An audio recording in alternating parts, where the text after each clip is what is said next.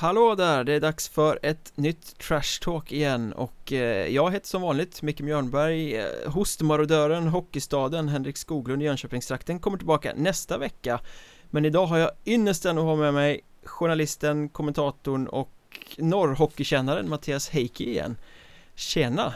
Halloj, halloj! Härligt att vara tillbaks! Trevligt att ha dig på linjen Detsamma, detsamma Hur är läget? Det är fint! September är ju en härlig månad. Höst och eh, hockey. Ja, vad känner du inför det här att eh, det har blivit lite mer eh, andra säsongen i rad att man flyttar premiären till första helgen i oktober så att säsongen blir lite senare. September blir en ren eh, försäsongsmånad. Um, ja, fast det räknar jag in som en hockeymånad eftersom att det är lite försäsong och, och så. Jag har väl ingenting emot att det flyttas ett par veckor. Jag tycker bara att det är eh, skönt att det kommer igång och att det verkar bli hyfsat normalt igen jämfört med förra säsongen. Så att med det i åtanke så kan jag faktiskt inte klaga. Utan, eh, och om säsongen sträcker sig in några veckor ytterligare under våren så är inte det någon panik heller. Det är ju trist när om det tar slut i mitten på februari redan. Ja, jag håller med. Jag, jag, tycker nästan att det är skönt att det börjar i oktober istället så att man slipper det här att i mitten på augusti börja tänka hockey och mm. träningsmatcher och sånt utan att det får vara en vintersport. Att vi ja men september då värmer man upp, sen kommer premiären i oktober och nu slog det ju väldigt väl ut med tanke på de här restriktionerna som lyfts. Att eh, vad var det, 29 september får publiken komma tillbaka och första oktober har Hockeyettan premiär så det kunde ju inte bli mer eh, bättre timing än så. Nu slår Nej. de sig själva på bröstet uppe på kontoret och säger att ja, vi har ju tänkt till men jag tror väl mer att det var tur Tror du det? Ja, men det skulle inte förvåna mig om man rent taktiskt skjuter det till över månadsskiftet bara ifall att. För att i regler så kommer väl de här förändringarna i månadsskiftena, eh, är min mm. känsla i alla fall. Men, men som sagt, jätte, jättebra att det har blivit på det här viset, det är kanon. Och sen har man ju inte riktigt eh, den här påtryckningen från Simor heller som man kan tänka mig att SHL hade att nej, nej, ni får inte skjuta på säsongen, vi ska sända. Eh, så funkar det inte riktigt i ettan. Men eh, försäsong pratar vi, vad har du för relation till träningsmatcher egentligen? Jag gillar ju träningsmatcher för att man är så nyfiken på hur ens lag ser ut och hur de nya spelarna ser ut och vilka kedjor som komponeras och vilka backpar och sådär. Och sen har man ju ett sånt sug efter hockey efter, efter sommaren så att eh, alltså jag gillar ju verkligen träningsmatcher. Eh, uppe i norr så har vi ju ett DM som spelas vilket ju är eh, rätt kul faktiskt. Det kan vara lite utskällt och det är bara två perioder och sådär. Men, men det är ju ändå en liten försmak där man möter de här eh, eh, andra lagen i Norrbotten. Så det blir lite derbystämning över matcherna. Och matcherna kommer tätt. Det är många matcher under en helg och sådär. Så, så det gillar jag också. Men då är eh, de två Kiruna-lagen Boden, Piteå och Kalix va? De. Exakt, exakt. Och förr om åren var det ännu roligare för det var ju även division 2-lagen involverade i DMet. Och då fick de ju eh, bonusmål då eh, som en liten kompensation. Ja, lite som eh, i pojklagsspel. Ni får börja leda med 3-0. Exakt, exakt. Men eh, jag tyckte det var, var ett roligt nytt grepp också. Så nu vet jag faktiskt inte varför division 2-lagen inte är med. Om det, är, om det handlar om ekonomi eller vad det är. Eller om man, om man skrotade det. Men det var, ett, det var ett kul inslag, helt klart. Men då spelar man två gånger 20, eller hur? Exakt, för att det blir väldigt många helger under, eller många matcher under, under samma helg. Är det prestige i det? Eh, det är det väl alltid. Eh, någon mån. Sen är det ju så att den som vinner det här får ju möta Luleå Hockey i en slags DM-final. Och den matchen får man ju på hemmaplan. Ah. Eh, och eh, det är ju väldigt häftigt i sig. Men det kan ju också ge klirr i, i kassan om man kan få sälja ut sin hall när ett SHL-lag kommer på besök. Men då sitter ju Luleå då alltså och hejar på Piteå varje gång för att slippa resa så långt. Ja, så kanske det är. De fick ju åka upp till Kiruna och möta eh, grannen våran här för något år sedan. Kiruna AF då? Kiruna AF, ja precis. Eh, äh, jag hoppas att de, att de, precis som alla andra, tycker att det är fantastiskt roligt att få komma till denna speciella stad, Kiruna. den halvflyttade staden. ja, den halvflyttade staden. Och spela hockey i härliga Lombia Arena. Men man lägger liksom inte upp försäsongen för att vara bra i DM eh, Om man säger så Nej, det är faktiskt en, en, fråga jag ska ställa till Kim Sunna när jag pratade med honom inför helgens matcher där. Hur lägger man vikten, eh, liksom prestation kontra resultat? Eh, ja. För att alltså någonstans är det väl alltid bra att vinna matcher. Och det ligger ju, som jag var inne på, en, en match mot Luleå Hockey i potten. Så jag menar alla kiffare skulle tycka det var jättekul om Luleå Hockey kom upp till Lombia. Och så skulle det ge ett par hundratusen också om man får en skaplig publiksiffra. Mm. Så balansgången där är intressant. Jag ska höra vad han säger. Får ni läsa om senare i veckan. Det är svårt att komma undan med eh, eh de här klyschorna då liksom att nej, vi, det är försäsong, vi tittar bara på prestation. Eh, det, det, är kanske lättare när det är liksom en vanlig random träningsmatch. Så är det nog. Sen väljer man väl det där snacket lite grann. Torskar man med 5-0 så då är det bara träningsmatch. Men vinner man med 5-0 så kanske man gärna flickar in att ah, men det här är nog bra att ha i bakhuvudet sen när lagen möts i serien. Så jag vet inte. Man kan vända och vrida på det. Man kan skapa sin egen verklighet. Det, det blir samma som det här med att det är viktigt att göra en bra sista period och ta med sig något bra in i nästa match. Ja, ja. Det är det dummaste sportklyschan som finns tror jag. Eh, jag tror 0% på det där. Okej. Okay. Men, jag men... tror det finns några dummare faktiskt, men jag kan inte komma på dem, på dem just nu. det är en annan podd.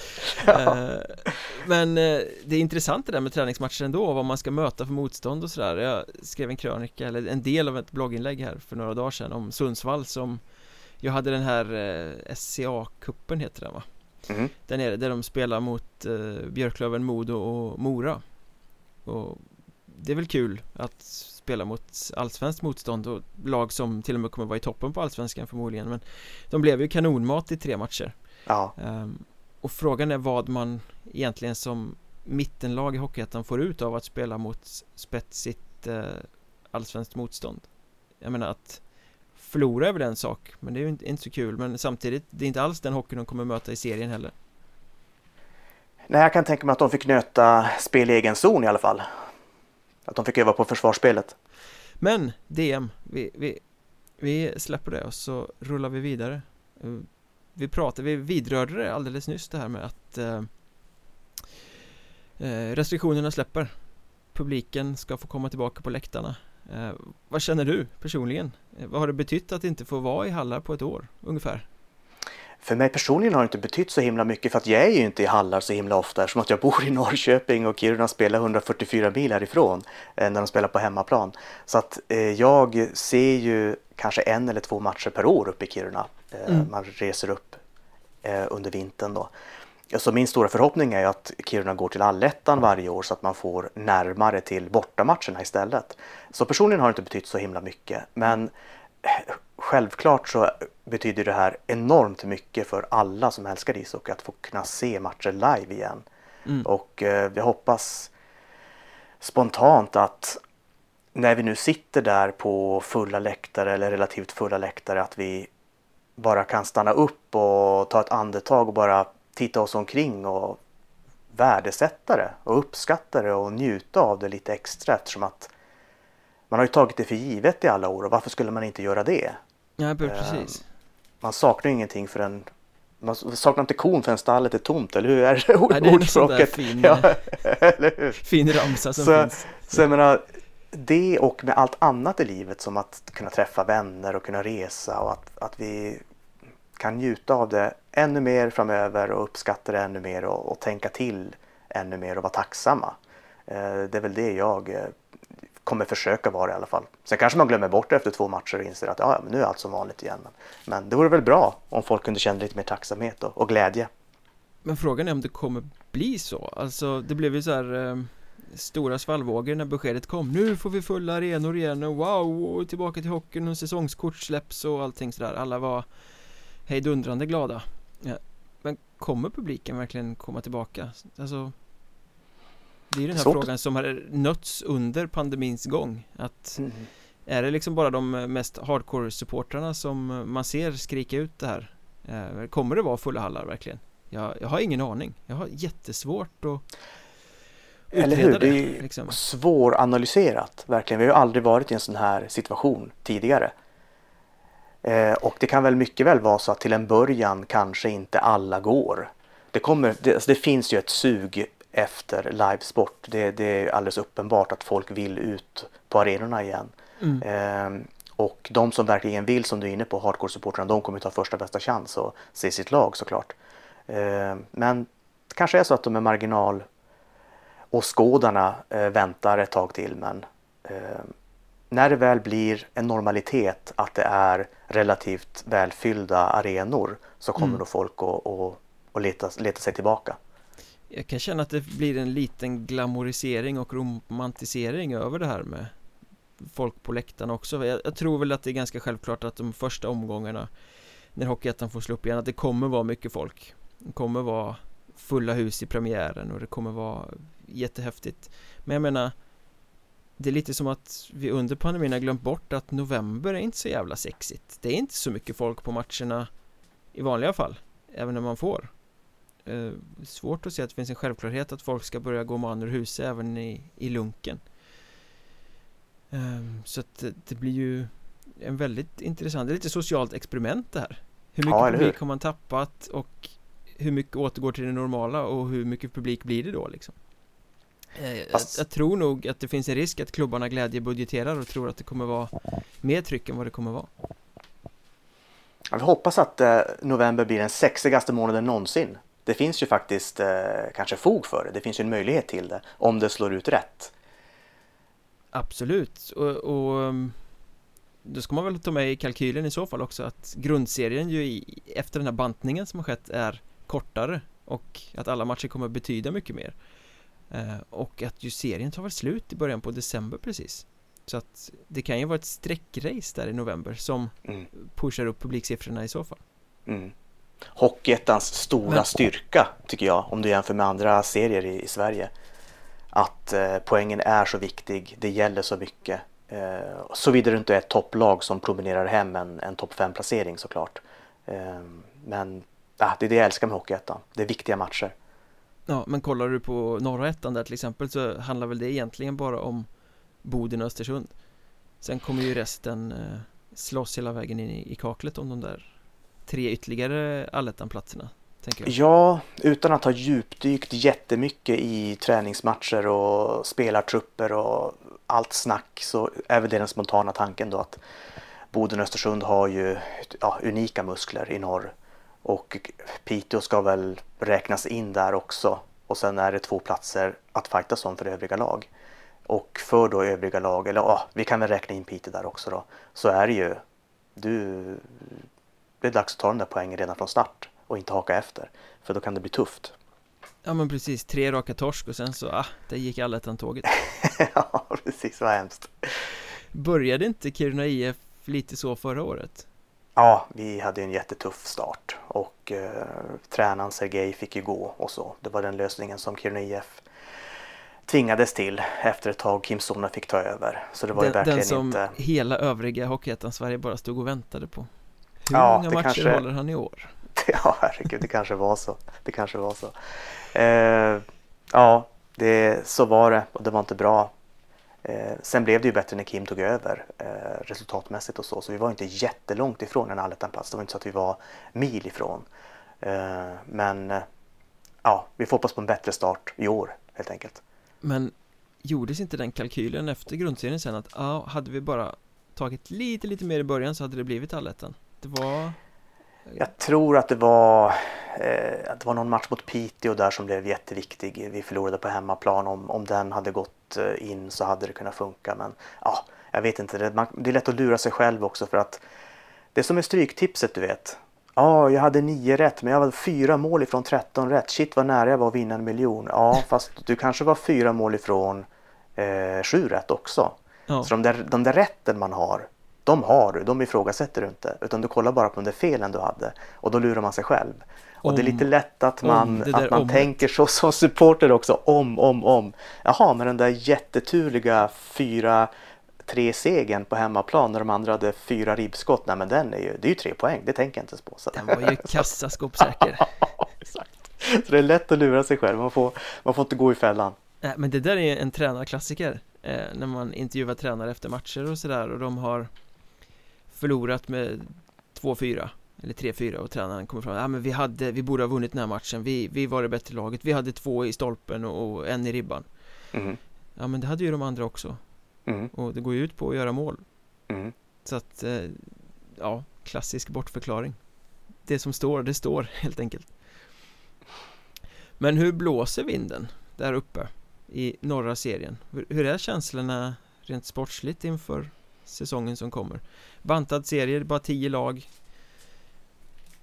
eh, Ganska många intressanta lag också Ja, det är såklart alltid intressant och som jag var inne på så är väl det den grova skissen man kan dra Östersund, Boden och Piteå och sen resten slåss om två platser.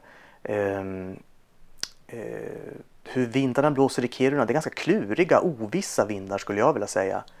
Uh, Kiruna IF har ju inte värvat klart än. Det är ju en, två, kanske tre spelare till som ska in och det är ju spelare som ska göra skillnad. Mm. Och de har inte kommit in ännu så därför är det jättesvårt att veta hur laget kommer att se ut. Vilka är de här spelarna som, som kommer att krydda? Eh, så det är svårt att avgöra om Kiruna är ett topplag eller mittenlag eller eh, ja, bottenlag skulle jag inte säga att de är. Men svårt att säga. Och samma mm. sak med, med, med, grannen AIF. De har ju tappat många spelare, eh, värvat många spelare. Det känns som att de har väldigt många osäkra kort i det här laget och ny tränare som inte eh, har någon hockeyettan-erfarenhet och så. Så det är också jättesvårt att, att säga hur, hur det kommer gå. Men att det ser ut som det gör, att liksom vi befinner oss mitten september, det är eh, drygt två veckor till seriepremiär och spetsarna har inte kommit in i truppen. Är det fortfarande det här spöket att ingen vill flytta till Kiruna eller varför har man inte lyckats få truppen på platsen? Ja, bra fråga. Det är många faktorer som ska in där. Eh, visst, Kiruna ligger inte på Stureplan, eh, så Nej. är det ju. Och eh, våran ekonomi är ju inte Chelseas eller Paris Saint-Germains ekonomi, så det spelar såklart också in. Men jag tror också att man känner att det är en, två, tre spelare som ska in snarare än fem, sex och att man har en ganska bra grund att stå på så att man har råd att vänta och vara kräsen. Men som du säger, nu är det ju snart dags. Ehm, så det brinner ju i knuten och jag vet att man jobbar hårt för att, för att lösa det här. Så det skulle inte förvåna mig om det trillar in några namn inom kort. Det är också något jag kommer stämma av med sportchef Törme här som eh, sköt en älg på älgjakten jäkligt snyggt eh, för någon dag sedan här såg jag på sociala medier som jag likade. Så förhoppningsvis så kan han pricka in någon, eh, några nyförvärv också. Det vore trevligt. Han sköt en älg mellan eh, agentsamtalen. ja, exakt. Kan, kan, du dröja? Vänta lite bara. Yes! Bullseye! Yes. Ja. Men eh, det känns rätt troligt att det blir något internationellt tänker jag med tanke på att den svenska spelarmarknaden är både svindyr och stendöd Eh, och adderar man då dessutom att Kiruna ligger där det ligger så är det kanske mer troligt att man tittar Finland, Lettland eh, Det som har blivit lite på modet nu Ja, jag tror det. Jag tror det. Oftast är det så att om du värvar en lettländare som funkar klockrent som i, som i Marenis fall här nu. Får fått in en kanonkille eh, som inte bara är jätteviktig på isen även utanför, en kanonpersonlighet. Och om han då kan rekommendera andra spelare så är det ett jättestort plus att man har en referens i form av Marenis mm. som man tycker jättemycket om att ha i laget. Så det är så eh, Henrik Törme har tänkt och, och, och, tagit upp tips från Marenis. Um, så vi har Edmunds Augskaln som också ska ansluta eh, till, till laget snart då. Han eh, kom så in det, slutet förra säsongen. Exakt, exakt. Jättetuff attitydback liksom. Eh, härligt att ha en sån kille i, i, sitt, i sitt läger. Muskler och sarg ut. Muskler och helskägg och, och liksom kom inte hit attityd, kom inte hit och larva er attityd. Mm. Um, så jag, jag skulle inte bli förvånad om det, om det anslöt någon till lätt. Um, eller någon transatlant eller någon finländare. Um, jag tror att utan att vara någon expert i hur, hur marknaden ser ut så är det nog generellt så att du kan få mer hockey för pengarna om du värvar uh, utlänningar. Ja, det är definitivt så det ser ut och det känns ju lite som att eh, AIF tittade lite på hur IF gjorde i fjol med succén med Marenis och, och lettiska spelare för de har ju också plockat två till den här ja, säsongen. Exakt. Um, han Bernhard såg uh, ganska spännande ut i träningsderbyt som, som KIF och AIF hade här förra veckan uh, till exempel så det blir intressant att följa hur, hur pass bra de är.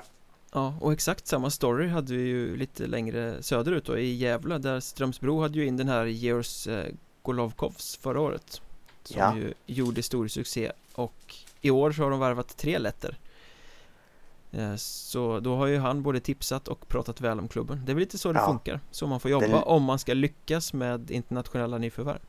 Ja, så är det ju. Den lettiska invasionen i Sverige. Ja, precis. Det är sju stycken klara för spel i Hockeyettan kommande säsong Än så länge, kan ju komma fler Det som jag har hört om, om eh, just lettiska spelare är att eh, språket är ju någonting som underlättar jättemycket. De kan väldigt bra engelska allihopa. Eh, mm. Och speciellt jämfört med till exempel vitryssar eller ryssar så är, ja, det, så är det liksom ett jättestort plus. Så, så det ska man ju inte förringa. Det är ju såklart viktigt att kunna, kunna prata med varandra och förstå varandra. Så där, där har ju lettländerna en, en, en jättebonus på marknaden. Är det egentligen samma sak med hockeykulturen också? För det säger man ju ganska ofta om när man värvar finnar att ja, men det är ganska lätt för att det funkar bra med rent kulturellt hockeymässigt. Det är inte så stor skillnad Sverige-Finland i hur man utbildas och hur man spelar hockey. Ingen aning. Jag kan inte, jag kan inte sortera in hockeykulturen i Vitryssland, Ryssland, Lettland, Finland och Sverige riktigt. Men, men ja, det är grannländer så, så, eh, så kan det mycket väl vara. Men då blir det ju ganska spännande att se vad, vad allting landar i sen då i eh, Kiruna IF. För när man tittar på laget nu som jag som utomstående gör så känns det som att det har inte hänt så mycket alls. Man har liksom behållit den här stommen av Kiruna-killar som är bra hockeyettan-spelare men som inte kommer ta klubben till skyhöga höjder. Så det kanske blir de här tre spetsförvärven då som gör den här skillnaden. Ja, vi har ju tappat eh, Leonard Forselius och William Otter, eh, två poängspelare, så de, de bör ju ersättas. Mm. Jag är ju otroligt glad att vi fick behålla Marenis för att jag vet hur mycket han betyder liksom på isen och utanför isen. Så det var en jätteviktig bit. Men eh, Jakob Hansson har jag alltid varit jättesvag för. Jag tycker att han är en väldigt speciell spelare på den här nivån. Och eh, att vi kunde värva honom från AIF gjorde mig liksom själaglad för att jag tror jättemycket på, på, på Jacke. Eh, mm. Jag tror att han, om man kan få rätt omgivning på isen så kan det nog bli hur bra som helst. Han kommer kunna göra jättemycket poäng. Eh, jag tyckte man märker det i de träningsmatcher som jag sett med Kiruna också att han, han, han har det där lilla extra. Han, han, han, eh, ja, han sticker ut. Det är andra gången han gör en förbjuden övergång va? Han var i IF och sen gick han till AIF och nu kommer han tillbaka. Ja, han var hos oss, sen flyttade han söderut eh, spelade i tvåan ett tag också om jag inte minns fel. Han gick till Övik och sen flyttade han ner till Skåne och sen så kom han tillbaka och gick till AIF. Och sen nu byter han då. Ja, intressant att se om det blir att byta upp sig eller byta ner sig. Ja, eh, ja, det är jättesvårt att säga. Men han är ju som du säger en utpräglad målskytt också på nivån och kommer få ta en rätt stor roll i IF om man tittar på truppen som den ser ut just nu i alla fall. Ja, precis. Alltså det är ju en första line kille. Mm. Uh, och uh, Nej, men liksom om man ska om man ska titta på realistiska nyförvärv som vi kan få till Kiruna IF eftersom att vi inte är ett stabilt allettan-lag som år ut och år in liksom går till allettan så är ju det här lite i taket där vi kan slå när det gäller nyförvärv känns det mm. som. Eh, så därav min glädje att få, få Jacke Hansson tillbaks till, till KIF. Och ingen jobbig flytt heller utan det är bara att gå två meter till nästa omklädningsrum. ja, precis. Det är bara att vika höger istället för att gå rakt fram eller vilken, vilken ingång man nu tar till Lombia. Är det fortfarande strid om vem som får ha vilket omklädningsrum och vem som får bestämma över kafeterien? Mm, nu ska vi se, omklädningsrummen har det väl aldrig varit något snack om utan Kiruna IF har ju haft sina omklädningsrum i alla år så det går liksom inte att flytta på. Det är väl det som har varit lite sura miner eftersom AIF kom in De spelade väl på Mattojärvi först när de var Ja precis de kom... Och sen så fick de sunkrummen när de väl skulle flytta in i Lombia Var det inte så? Ja Jag vet inte hur sunkiga de var Jag tror att de fick ta över Kiruna FFs omklädningsrum Fotbollsklubben mm. Som sen fick eh, nybyggda omklädningsrum utanför arenan som var i anslutning till fotbollsplanen som är alldeles intill. Så de fick liksom barackliknande byggnader att ha omklädningsrum i. Och det där blev ju också en så himla snackis för att de där rummen blev ju för små. de fick, ju Ah, dela, de fick ju dela upp fotbollslaget i liksom två rum när man byter om. Det är inte upp, optimalt inför samlingar och så. så det blev Men det var ju liksom passande inför corona Ja, exakt. Det kanske var så man tänkte för, för ett par år sedan. Nostradamus på Kiruna kommun. Eh, så, så de flyttade ut dit då. Eh, så nej, och sen kafeterian är ju kommunens. Eh, eller hur är det med den där kafeterian? Det har varit så himla många, många snurriga vänder. Jag ska, inte, ens- jag ska inte ens uttala mig om det där jag vet, för jag vet inte. Men Det är det, det, som det där i- ska väl vara utagerat nu i alla fall. Lite samma sak som med striden mellan Boden och Hockeyettan Att det har gått så många varv så att ingen vet vad som var striden från början och vad, vad det egentligen handlar om utan det är bara Precis. försök till knockoutslag som misslyckas gång på gång på gång på gång Ja. ja men det var väl så att den där kafeter- eller den restaurangdelen eh, eh, var byggd av Kiruna IF med hjälp av Kiruna IF sponsorer i Ah. en värld då det ba, där det bara fanns ett hockeylag i, i Mm. Kiruna, nämligen sammanslagningen Kiruna IF. Eh, och sen ville väl AIF göra anspråk på den där restaurangen i och med att det var i en, i en kommunal anläggning.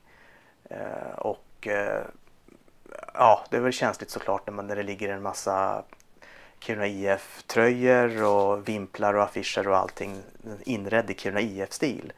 Eh, Mm. Då måste man ju i sådana fall liksom tömma den på innehåll då när AIF ska använda den och sen, ja, det, det, blev, det blev en komplikation i alla fall. Men så som jag förstår det nu så är det väl utrett. Men det där är ju en jätteintressant situation med två rivaler som spelar i samma arena Det är ju alltså förklarligt på en liten ort som Kiruna men det blir ändå väldigt, väldigt speciellt Ja, när det kommer till sådana allmänna utrymmen så ja. ja. Ehm, fast eh, ja, mitt intryck är att, att man har fått det att funka. Liksom, att, eh, Ja, ja, det är klart Eh, Ja. Men också en sån sak som att båda lagen spelar med rivalens logga i isen varje gång de spelar hemmamatch Ja, precis. Det är liksom eh, mycket som blir lite märkligt sådär Men känns det inte lite som att med den satsningen som är nu att Kiruna IF är lite mer kött och potatis, lite mer tryggt, vanligt, hembyggt och AIF är på väg att segla iväg och bli lite mer chansartat exotiskt på något sätt Du nämnde nya tränaren Johanni Mattikainen där som kommer in och har en bakgrund från hockeyn i Förenade Arabemiraten och det är liksom lite så här eh, flärtfulla chansningar omkring dem på något sätt Ja, den kopplingen har man inte gjort tidigare. Förenade Arabemiraten och Kiruna AIF. Nej, Lite långsökt. Nej, men eh, de, nu, de har ju faktiskt ganska många Kiruna-grabbar i laget också. Så det, det är väl, jag skulle tippa på att de har ungefär lika många Kiruna-killar som vi har. Jag får väl gå in på Elite Prospects och räkna, men jag, jag tror inte det är långt ifrån i alla fall. Så de har ju en, en ganska tydlig Kiruna-stämpel eh, Mm. fortfarande. Eh, men, men det är ju så, två lag i en liten ort. Eh, vi fyller inte två hockeylag på Hockeyettan-nivå med bara Kiruna-grabbar utan då får man hämta folk utifrån. Ehm, och det känns lite pikt och sunt också att man får in influenser utifrån. Ehm, Absolut. Jag tror det är bra för de unga Kiruna-grabbarna att, att få in en sån som, som Marenis till exempel som har spelat på landslagsnivå, han har spelat VM och bara ha en sån i sin närhet gör att man snappar upp saker och lär sig. mm. Han är nästan för bra för att vara där uppe, är han inte det? Eh, ja, sen är inte han kanske den här poängsprutan. Han är ju mera kanske den här defensiva forwarden som har andra arbetsuppgifter som gör att han kanske inte sticker ut så som han borde Mm. rent, rent poängmässigt. Men någon gång så har jag liksom fokuserat på bara Marenis när han har varit på isen och då ser man att han banne mig gör varenda situation rätt. Och det är små saker, det är ingen assist eller det är inget mål, men det är små saker. Att han plockar bort någon gubbe i försvarszonen eller han gör en kort passning som är, som är rätt att göra. Ehm, samtidigt som han har bra fart på grillorna och sådär. Så han, han, är så han är så nyttig i, på så många olika sätt, är, är mitt intryck utav, av Marenis. Den här typen av spelare som, nej han gör inte 15 mål på en säsong men han kanske gör 15 aktioner som ingen ser som gör att det inte blir mål bakåt Exakt, exakt. Eller att man, att man bäddar man bäddar för ett anfall istället för att eh, man får ligga extra i försvarszon och man kan lyfta upp spelet. Ja, det enkla Men Det spelare enkla, som, som ser spelet och gör saker rätt, jag älskar det, det Sånt som liksom, inte går eh, att scouta på Elite Prospects utan du måste Nej men veta. precis Åh, han har bara gjort 12 poäng förra säsongen, han måste vara kass. Vilken sopa. Men en annan känsla som jag har eh, när vi ändå har en, en eh, herre som har koll på den norra här Känns det inte lite som att Jag vet inte, nu, nu bantades eh, Hockeyettan Det blir eh, serier med tio lag i varje. Det är jättehård satsning i söder Det är mycket snack i öst. Och känslan som jag får, det kan vara helt fel Men det känns som att norra serien blir mer och mer isolerad På något sätt Som att ni hamnar längre ifrån alla andra Även om geografin inte har förändrats Eh, Du menar eh, muskelmässigt? Muskelmässigt, intressemässigt att det liksom eh, Tidigare har det ändå kastats blickar från södern upp mot norr Lite mer än vad det gör nu Mm. Svårt, att, svårt att avgöra det. Eh, men klart, klart är ju att Kiruna-hockeyn är ju inte så stark som den var förr. Piteå-hockeyn är ju inte det heller. Boden är på frammarsch helt klart. Men det är ju inte så länge sedan de spelade i division 2. Det får vi ju inte glömma bort. Asplöven finns ju inte längre. Eh, så jag menar, det är klart att, att hockeyn i norr har försämrats på, på lägre nivåer. Luleå håller ju hög klass då såklart i SHL. Eh, men, så, men så är det nog. Så är det nog. Eh, för Kiruna IFs del så känns det ändå som att vi är på väg tillbaka. Eh, vi kommer inte kunna mäta oss ekonomiskt med de största Hockeyettan-klubbarna än, men kanske på sikt. Eh, mm. Det känns som att vi bygger någonting.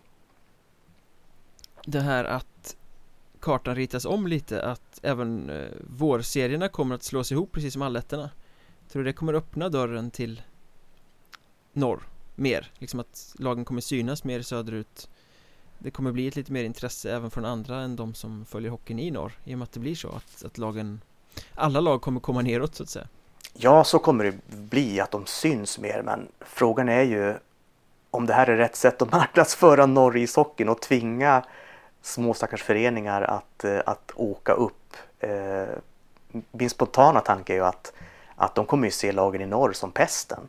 Ja. Eh, För att resorna blir så långa och de blir så dyra. Alltså, så här är det. Ska man föreställa sig att vara en professionell eller halvprofessionell seriös eh, serie, då ska inte resor vara en grej. Nej. Det ska funka. Om du är ett satsande, seriöst, hårt tränande eh, hockeylag så ska du ha råd att betala en buss och en busschaufför och ibland en eller två gånger flyg på en säsong. Så när stora etablerade Hockeyettan-föreningar, eller som vill utge sig för att vara det i alla fall, klagar över att man måste åka upp till Norrbotten och spela hockey, det köper inte jag. Då ser man ju hellre ut som ett lag som viktar åt korphållet än åt elithållet. Mm. Eh, så, så den debatten följer jag med ro och, med glädje men jag köper den inte. Jag tycker att det är jag kan skratta åt den. Och då har- syftar du på det här som dyker upp i playoff varje Nej, år nej, när, nej. när de stora söderlagen får Kiruna eller får Boden eller någonting att, Ja, ja åka precis. dit, Eller när, jobbigt eller när Stockholmslagen får eh, Kiruna IF i, i allettan till exempel. mm.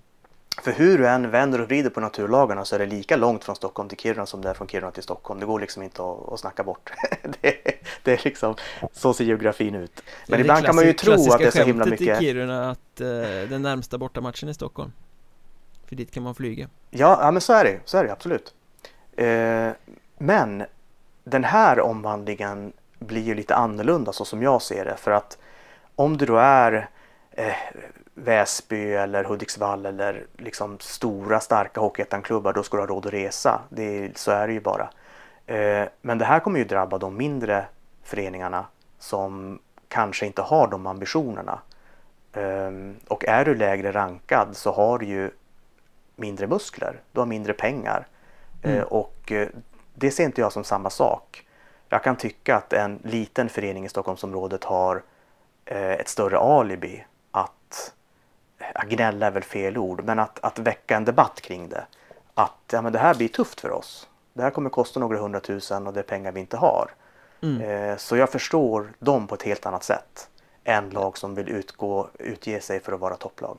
Ja men det blir ju om man tar ett exempel som att till exempel då Segeltorp ska resa till Kiruna. Eller vad det nu blir. Eller för att spela matcher för att kvalificera sig för att slippa kvala till division 2 Mm. eh, Ja men det är ju som vi pratade lite innan här. Det är ju rent sportsligt och rent för oss som tittar på är det ju jättekul att lagen blandas och att eh, man får möta nytt motstånd och att det blir lite mer spänning i det men det känns ju också som att det här kommer att, att även vårserierna slås ihop och delas in geografiskt eh, kommer ju troligtvis att slå ut vissa klubbar eh, det, det kanske blir så att ekonomin inte håller för Örnsköldsvik eller för Segeltorp eller för Kumla eller de här mindre klubbarna och att mm. de tvingas kliva ur ettan av, av den anledningen eh, och då kan man ju vara lite konspiratorisk och, och, tänka att ja, ja, de vill ju ha en bantning till 36 redan nu här kanske man mm. tänker att eh, liksom, det sköter sig självt. Ja, du är, okej, okay, du tänker så. Ja, det är roligt att leka med tanken. Men eh, ja, alltså det, det, är ju fram och baksidor med det. Jag tror att det kommer bli Jag är först förvånad att inte fler klubbar opponerade sig när det här förslaget lades fram. Mm. Som att man tänkte, åh vad kul, utan att riktigt tänka på vad det kan få för konsekvenser. Eh. För att jag tror ju inte att båda Kiruna-lagen går till allettan Och det kan mycket väl bli så att ett lag går till allettan och ett mm. annat blir kvar i fortsättningsserien. Så då blir det ju så att, att eh, alla lag i fortsättningsserien eh, geografiskt då kommer att få åka upp till Kiruna en gång. Mm. Och då blir det intressant att lägga spelschemat eftersom det kommer bli väldigt mycket helger, dubbelmöten på helger. Då får det bli så här, IF har en helg och AIF har en helg och så får det rulla om varandra på något sätt. Mm. Eftersom det är eh, eh allettan och vårserien då som ska funka. Mm. Inte resemässigt. Det blir, det blir en utmaning för, för serieläggarna. Ja, tack och lov så är det inte på vårat bord, ditt och mitt. Nej. Men om det här ska funka, det, det, är ju ingen ny tanke men att ha någon form av resebidrag eh, Ja För att få det att fungera Jag har ju lekt, liksom slängt ut den flera gånger att varför man kan väl sätta en, en gräns här, säg 30 mil Allting över 30 mil som du reser får du bidrag för Från ligan Så blir det mer rättvist och lite enklare för klubbar att resa Ja, jag skulle precis eh, ta upp det. Det var exakt det jag tänkte på. Alltså det är inga miljarder vi pratar om. Det är alltså resepengar. Eh, alltså om nu Hockeyettan, som ju har tagit sådana stora steg som de ändå har gjort under de senaste åren, eh, ska utge sig för att vara en, en liga som är hela Sveriges liga och den bredaste ligan och så. Eh, man tycker ju att man borde kunna ha ett sådant system och man borde kunna hjälpa klubbarna med det här. Um, så du och jag har bollat den idén. Men kan man inte få in en, en sponsor som öronmärker pengar till, till resor? Ja men kan precis, man jobbar med olika samarbeten till höger och vänster och, ja. så. Jag tänker så här Approacha ett fraktbolag för det handlar ju om att resa och att liksom sådär Eller ett resebolag Ta mm. DHL, ta Early Bird, ta Vingt, alltså vad som, någonting som man kan göra något roligt med liksom Någon, ja. Resor eller frakt och så går de in med en summa pengar och så är det öronmärkta pengar då för att skapa resebidraget och så mm. får de liksom promota det Det borde inte vara så svårt att göra Om man har en liksom säljare som är lite på tårna Kan man gå ihop med hotellkedjor också kanske? För att någonstans måste man ju bo när man gör, gör de här långa resorna Det finns ju något sånt här avtal med någon hotellkedja som tydligen är värdelöst Okej Men det borde man ju kunna förhandla bättre, absolut Ja men det, du har ju det. Det här är ju svi, det är ju det är enkelt. Det är bara att paketera ihop och få det att funka. Ja, vi skickar en konsultfaktura till Hockeyettan sen efter den här Helt, helt rätt, helt rätt. Men, men jag tänker, det blir ju bra för dig, du som följer Kiruna IF och vill åka på deras matcher eh, Men bara kan göra det i stort sett när de kommer söderut. Nu kommer de ju komma söderut oavsett vilken serie de hamnar i. Just det, just det. Det är jättebra. Jättekul. Så det blir för mig också att börja lägga undan pengar till resekontot för att kunna följa, följa Kiruna IF. Du kan inte ha en egen sponsor till reskassan? Ja, eh, får leta fram någon här. Och vi får ju se var du hamnar då i de här, eh, på de här resorna. Eh, vi ska börja runda av här för den här gången, men på Patreon för alla er som stödjer podden så tänkte vi faktiskt fortsätta snacka en liten stund till och då fokusera på hallar runt om i Hockeyettan För både jag och herr Heikki har ju varit lite här och var och sett det ena och det andra. Så vi tänkte vi skulle bena lite i det här med vilka är egentligen de skönaste, mest gemytliga och charmiga Hockeyettan-hallarna? På Patreon alltså, eh, gå in på patreon.com, sök efter Mjölnbergs Trash Talk så eh, hittar ni allting som ni behöver veta där. Eh, I sociala medier kan ni också följa podden att Mjornbergpodd, att Mjornberg heter jag, blir superbra. Och du heter ett Mattias Heike va? På Twitter ja, precis. Ja, exakt. Kul att snacka med dig. Detsamma, detsamma. Vi hörs